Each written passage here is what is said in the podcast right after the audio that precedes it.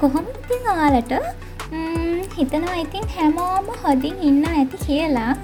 ඉතින් අට ලබ් එක හත්තරවෙන් එපිසෝඩ් එකත් එක්කයි ඔයාලට එකතුලා ඉන්නේ. ඕනති වෙනද වගේම අදත් මම ඕලක ජීවිතයට වැදගත් වෙන කතාවක් කරගෙනයි ඇවිල්ල ඉන්නේ. අද කතාව වෙනස්. කතාව පටන්ගන කලින් මම චුට්ටක් මතක් කිරීමක් කරන්නම්. ඕල තාමත් ලබ් එක ෆලෝ කර නැත්තම් මේක ඩිස්ක්‍රපෂන් එක තියෙනවා ක්ලබ් එකේ ෆේස්බුක් පේච් එකේ වෙබ්සයිට් එක ලිංක එක.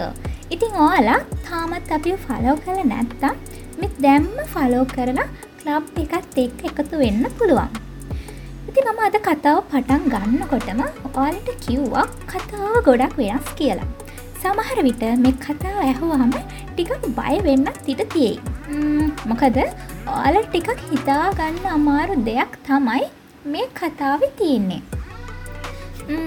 වාලට හිතන්න පුළුවන්ද? පාරි විකුණන අම්බ අච්චාරුවකින් ඒට්ස් හැදෙන්න පුළුවන් කියලා. ඒ කතාව කිව් හමත් ඔයාල ටිකක් පය වෙලා පුද්දුම හිතුන නේද?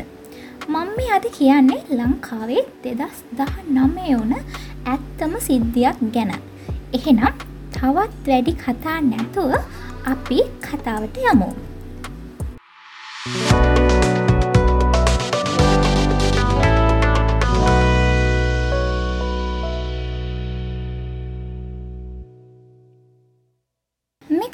සිද්ධ වනේ දෙදස් දහ නම්මය වර්ෂයේ මැයි මාසයේදී. එතකොට මදුකට වයස අවුරුදු දා හතරයි. මතුක පාසලේ නම්මවැනි ශ්‍රේණිය ඉගනම ලැබුවේ. මතුක ඉගෙන ගන්න දක්ෂ ළමෙක්. මදුක දෙමව්පියන්ට කීකරුව හැදුන දරුවෙක්.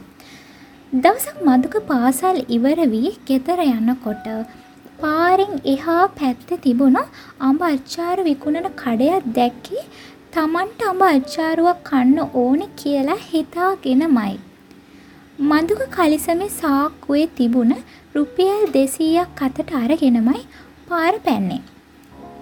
අම අච්චාරුවක් රුපියල් සීයක් දීලා ගත් මදුක ඒක කන්න ගමන් ගෙදර ගියේ මදුකගේ මුළු ජීවිතේම මේ කන අම්බ අච්චාරුවෙන් විනාස වෙනවා කියලා දැනගෙන නෙමෙයි.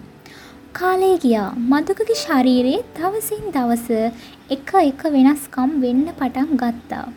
මදුකත් මදුකගේ දෙමාපියොත් මදුකගේ ශරීරයේ වෙනස්කම් දකින්න පටන් ගත්තා. මුලදි මදුක තම දෙමාපියන්ට තමන්ගේ ශරීරයේ වෙන වෙනස්කම් තමන්ගේ ශරීරයට ඇති වෙලා තියෙන දේවල් මදුකගේ අම්මටයි තාත්තටයි නොකියන්න තීරණය කරත් දවසින් දවස මදුකගේ ශරීරයේ ඇති කරන රෝග ලක්ෂණත් එක්ක මදුක ඒ ගැන තම දෙමාපියන්ට කියන්න තීරණය කරා.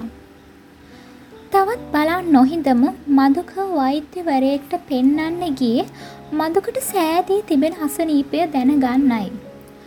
වෛද්‍යවරු කරපු හැම පරීක්ෂණයකින්ම කිව්වේ මතුකට ඒඩ්ස් රෝගය වැළඳිලා කියලයි. ඔව් ඔයාලටත් හිතාගන්න අමාරුණ වගේම එදා මතුකගේ අම්මටයි තාත්තටයි මේදි කොහොමද වනේ කියලා හිතාගන්න බැරි වුණා. මදුක කියන පාසලේ හොඳට ඉගෙනගත් ළමෙක්. මදුක කිසිම ගැහැණු ළමෙ කාශ්‍රය කරේ හා මදුකට කිසිම සම්බන්ධයක් තිබුණේ නැහැ. මදුක කියන්නේ අනවශ්‍ය සම්බන්ධත ඇති කරගන්න නැති හොඳ ළමෙක් කියලා මදුකගේ අම්ම තාත්තත් මදුගේ පාසලේ ගුරුවරුත් මදුකගේ යාළුවොත් දැනගෙනයි සිටියේ. හැමෝම හෙව්ව මදුකට කොහොමද මේ රෝගය වැළඳුනේ කියලයි. මං වලට මුලින්ම කිව්වා කතාවක්. පටන් ගන්නකොටම අම්බ අච්චාරුවකින් ඒට්ස් හැදෙන්න පුළුවන් කියලා ඔයාලට හිතන්න පුළුවන්ද කියලා. ඕ එක වෙන්න පුළුවන් දෙයක් වුණා. හැම දෙයක්ම මුල සිට සොයා දැනගත් පසු දැනගන්න ලැබුණේ මදුකට මෙම රෝගය වැළඳලා තියෙන්නේ මීට මාස හතරකට කලින් පාසල් ඉවර වෙලා ගෙදර එනකොට පාර විකුණපු අඹ අච්චාරුවක් කාපු නිසා කියලයි. ඔව් ඔහල දැන් කල්පනා කරනවා ඇති කිසිම ගැහැණු සම්බන්ධයක් නොතිබිච්ච අවුරුදු දා හතරක මදුකට අම්බ අච්චාරුවක් කාල කොහොමද මේ වගේ රෝගයක් වැලදුනේ කියලා. මේකයි හේතුව. එතා අම්බ අච්චාරු විකොනපු කඩේ මනුස්සයා අඹ අච්චාරු හදන්න අඹ කපද්දි ඒ මනුස්සයාගේ අත පිහියට කැපිලා තියෙනවා. අන්නේ අත කැපුණ වෙලේ ඒ මනුස්සයාගේ අතින් ගලා ගියපු රුධිරය අර කපපු අඹ ගෙඩියට එකතු වෙලා තියෙනවා. නොදැනුවත්ව අත කැපුණත් මේ අඹ විකුණපු මනුස්සයටත් ඒඩ්ස් හැදුන රෝගියෙක් කියලයි දැනගන්න ලැබුණේ. එදා ඔහුගේ අතින්නේ කලාගේ රුතිරේ මිශ්‍ර වුණ අඹ කෑලි ටිකක් ඔහු හදපු අඹ අචාරුවට එකතු කරා මිසක් ඒ මනුසේව අයින් කරන්න ගිය නැහැ. ඉතින් අවාසනාවකට එදාය රුදිරේ මිශ්‍ර වුණු අඹ කෑලි ටික එකතුනේ මදුකගේ අඹ අච්චාරුවටයි. තවමත් මදුක ප්‍රතිකාර ලබනවා. තවමත් මදුකගේ අම්ම තාත්තා මදුක ගැන කම්පා වෙනවා. මේ කතාව ඔයාලට ඇහුවාම මොකද හිතුනේ? පාර විකුණන අඹ අච්චාරුවක් කන්න බයක් හිතුණ නේද? ඔව් මේ කතාව අහපු මටත් ඔයාලට වගේම බයක් දැනුණා.